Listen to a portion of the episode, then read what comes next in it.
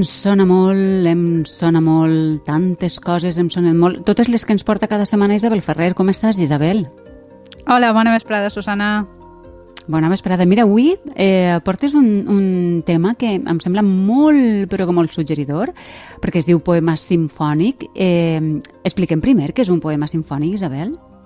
Va, sí, expliquem-ho. Eh, un poema simfònic, és, que és el tema d'avui, és, és una obra musical instrumental és a dir, que no té paraules i que està basada sobre un material extramusical literari, eh? per això es diu poema sinfònic, i este material extramusical literari doncs, pot ser un poema, un conjunt de poemes, però també pot ser un conte, una narració, una llegenda, tot el que siga material literari pot, pot provocar no? esta música. Mm.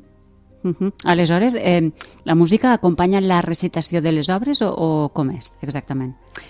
En principi, el, el poema sinfònic, en un poema sinfònic no hi ha lletra ni tampoc hem de conèixer necessàriament tot el text en què s'ha inspirat la música. És a dir, és música instrumental basada en un text. Tot i això, de vegades, per a facilitar un poc la tasca d'associació entre la música i el text, de vegades se solia mm. entregar al públic un xicotet programa on s'incloïa el text explicatiu o la poesia sobre la qual s'havia construït l'obra musical un poc la idea del poema sinfònic és, és jugar amb la idea de que la música pot ser capaç d'inspirar allò que diu el text, de vegades de forma més literal i d'altres senzillament suggerint escenes o com creant atmosferes d'allò que el text ens ha, que ha suggerit uh, al compositor o la compositora o també al d'oient després.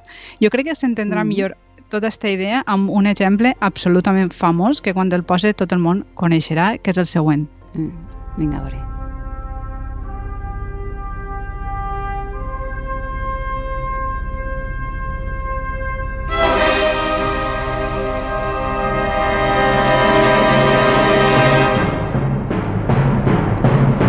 Ja sabem tots com continua això. Eh, és molt conegut i és, això és un poema sinfònic, l'inici, que s'anomena Així parla Zaratustra, del compositor sí. austríac Richard, Richard Strauss. Aleshores, està inspirat en algunes idees d'un llibre que té el mateix nom, del filòsof Friedrich Nietzsche, i això no vol dir, depenent de l'anàlisi que es faci, que es pugui seguir parlant de la música i llegir el llibre al mateix temps i li trobem un sentit. Eh? Senzillament, Strauss ha inspirat i de vegades, segons l'anàlisi, sí que hi trobem una relació més clara i d'altres no tant. Uh -huh. Aleshores seria com, eh, en ocasions, música descriptiva d'un text. Sí, però no sempre se pot establir un paral·lelisme fàcil. Hi ha poemes sinfònics que només podem dir que el compositor s'ha inspirat i altres que són més narratius, que sí que realment podem agafar la història i la música i, i veure que realment un desenvolupament molt semblant o que ens inspira. Uh -huh. eh, ara estava pensant eh, que no deu ser fàcil traslladar a la música eh, imatges o sentiments, no?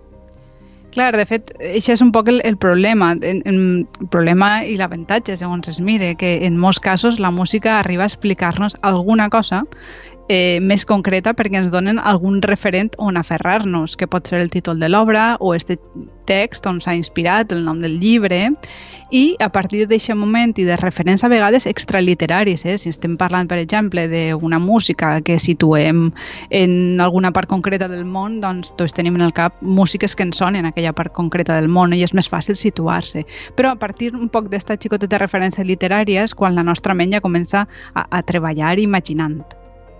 Mm -hmm. És a dir, eh, necessites com, com una pista no? per a entendre la música.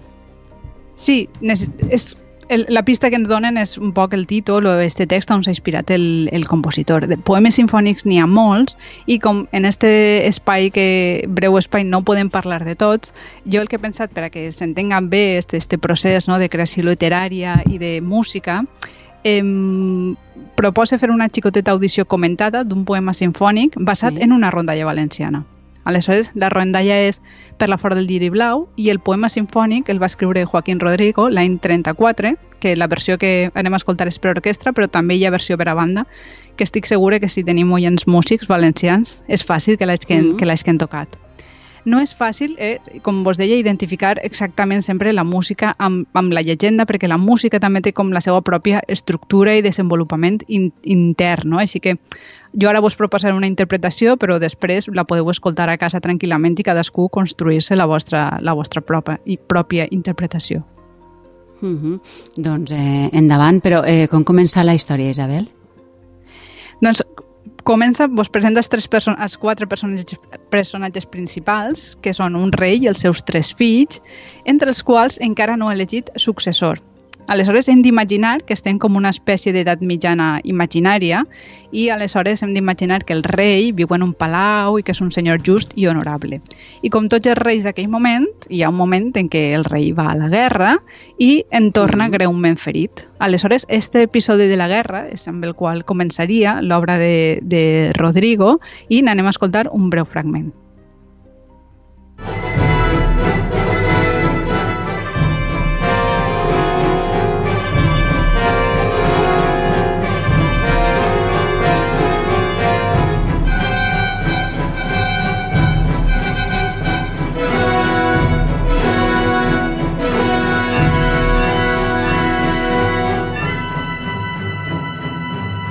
O sigui, eh, aleshores ens hem d'imaginar com una batalla medieval.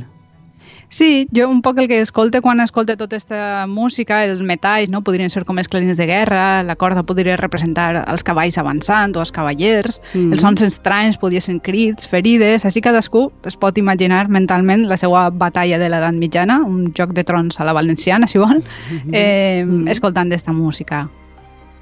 Uh -huh. eh, esta guerra hem dit que el rei torna greument ferit. Sí, i aleshores, clar, vol curar-se i aleshores, després de consultar amb totes les persones sàvies del regne, metges, apotecaris i bruixes, la conclusió a què arriben fou que només es podria curar el rei si algú li portava una flor del lliri blau, que és una flor molt espectacular i vistosa. I com que era una tasca molt delicada, va decidir que l'encarregaria als seus tres fills, clar i els va cridar a Palau per explicar-los amb molta tristesa la situació en la qual estava.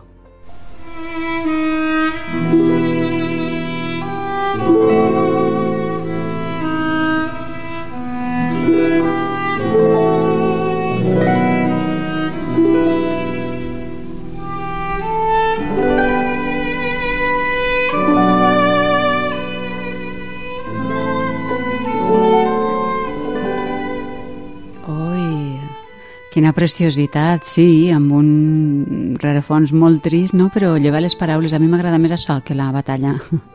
Sí, sí, la melodia sí, crec que és d'origen popular i té un dramatisme intern que, que cal mesurar bé i Rodrigo fa molt bé. Ja veureu que la melodia sí. després tindrà, serà com un personatge més eh, de la història. Aleshores, Rodrigo, per a crear aquesta atmosfera, utilitza això un instrument molt particular, que és el corn anglès, acompanyat com d'una mena d'arpa i això, crea una atmosfera trista, màgica, transcendental. Recordem que el rei mm. està comunicant als seus tres fills que necessita la flor del blau per a curar-se i els envia a buscar-la.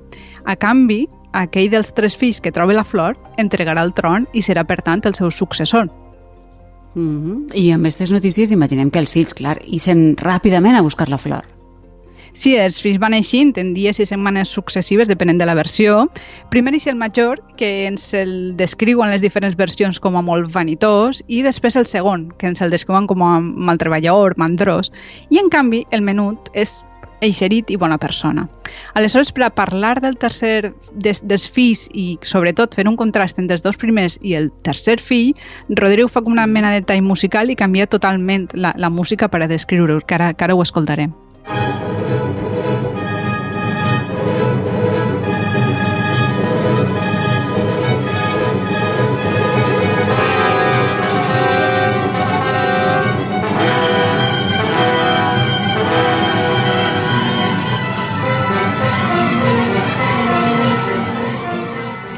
Gràcia. Sí, l'imagines caminant a la recerca d'una flor, així com amb molta energia, no? Com amb valentia. Sí. Ara és quan entra, no sé si sentim el flautí. Sí? Sí. Els altres dos serien un poc es i este flautí, eh, si, si coneguem l'obra, el desenvolupament, per a, per a mi un poc seria el que representa este bon esperit no? del fill, de fet, del fill ah, xicotet. molt bé, molt bé. I ara ja vos faré un poc de spoiler perquè ja vos podeu imaginar que és este fill menut, bo, el que troba la el flor. El que troba la flor, tot, no? Sí, tot i que hi ha un Molt episodi bé. abans que és que el, el, el fill menut sap on està la flor eh, i els altres dos no, perquè hi ha una velleta o un vell, depèn de la versió, que els demana si poden, van per el camí cadascú i va trobant-se'ls successivament, eh, un per un. Eh, tant el germà major i el del mig responen a esta velleta, que té molta gana i que els demana si poden donar-li alguna cosa per a menjar. Ells dos diuen que, escolta, que estan massa feinats i que no poden parar-se a compartir res. En canvi, el germà menut li ofereix un bon pessic del menjar que porta. Aleshores, què passa? Que la velleta en realitat és una velleta màgica i li diu on podrà trobar la flor. I ara, si voleu, sentim com queda este moment de, de trobada de, de la flor il·lustrat musicalment.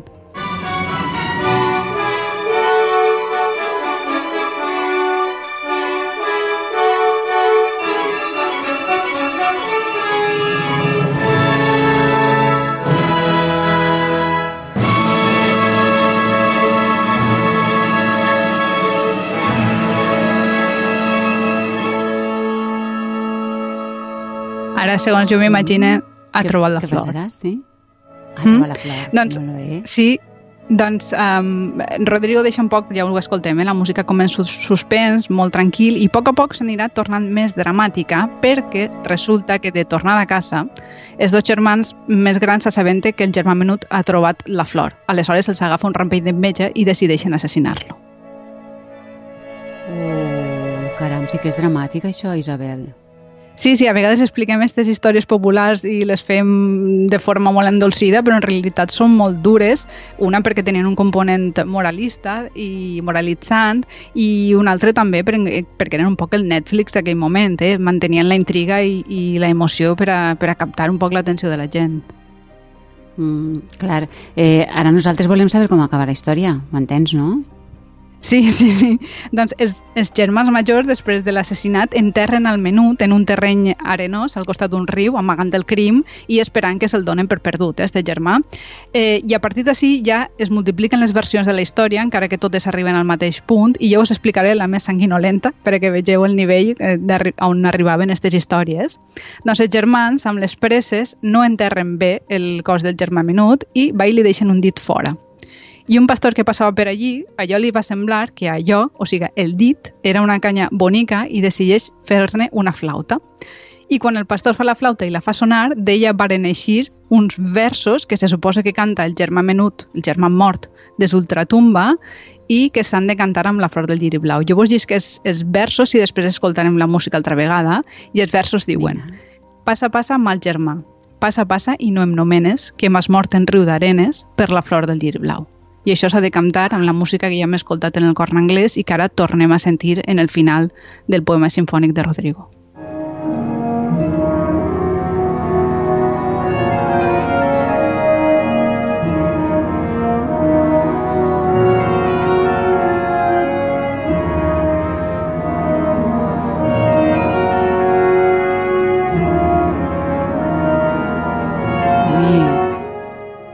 Això posa un poc la car de gallina, no? Sí, el que fa Rodrigo per a crear aquest efecte tètric és com sortir de baix de la terra, és que va començant des dels instruments més greus fins a més aguts i va fent com aquestes melodies eh, descendents per a això, per a crear l'efecte d'ultratomba. Recordem que és un germà assassinat. Uh -huh. eh, i, I quin és el final de tot? Com acaba la història?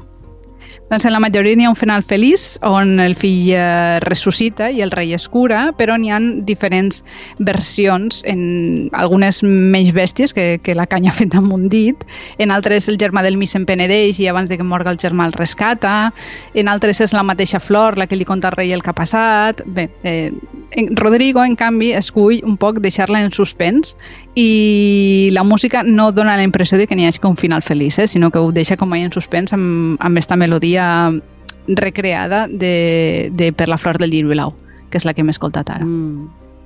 Vaja. Molt interessant, la veritat. Eh, la flor del lliri blau, el poema simfònic, meravellós. Eh, quina manera d'explicar les coses també amb la música. I tant, i tant. Doncs mm. eh, Isabel Ferrer, com sempre, un plaer. T'esperem la setmana que ve amb noves històries. Igualment, un plaer. Fins la setmana vinent. D'acord, adeu.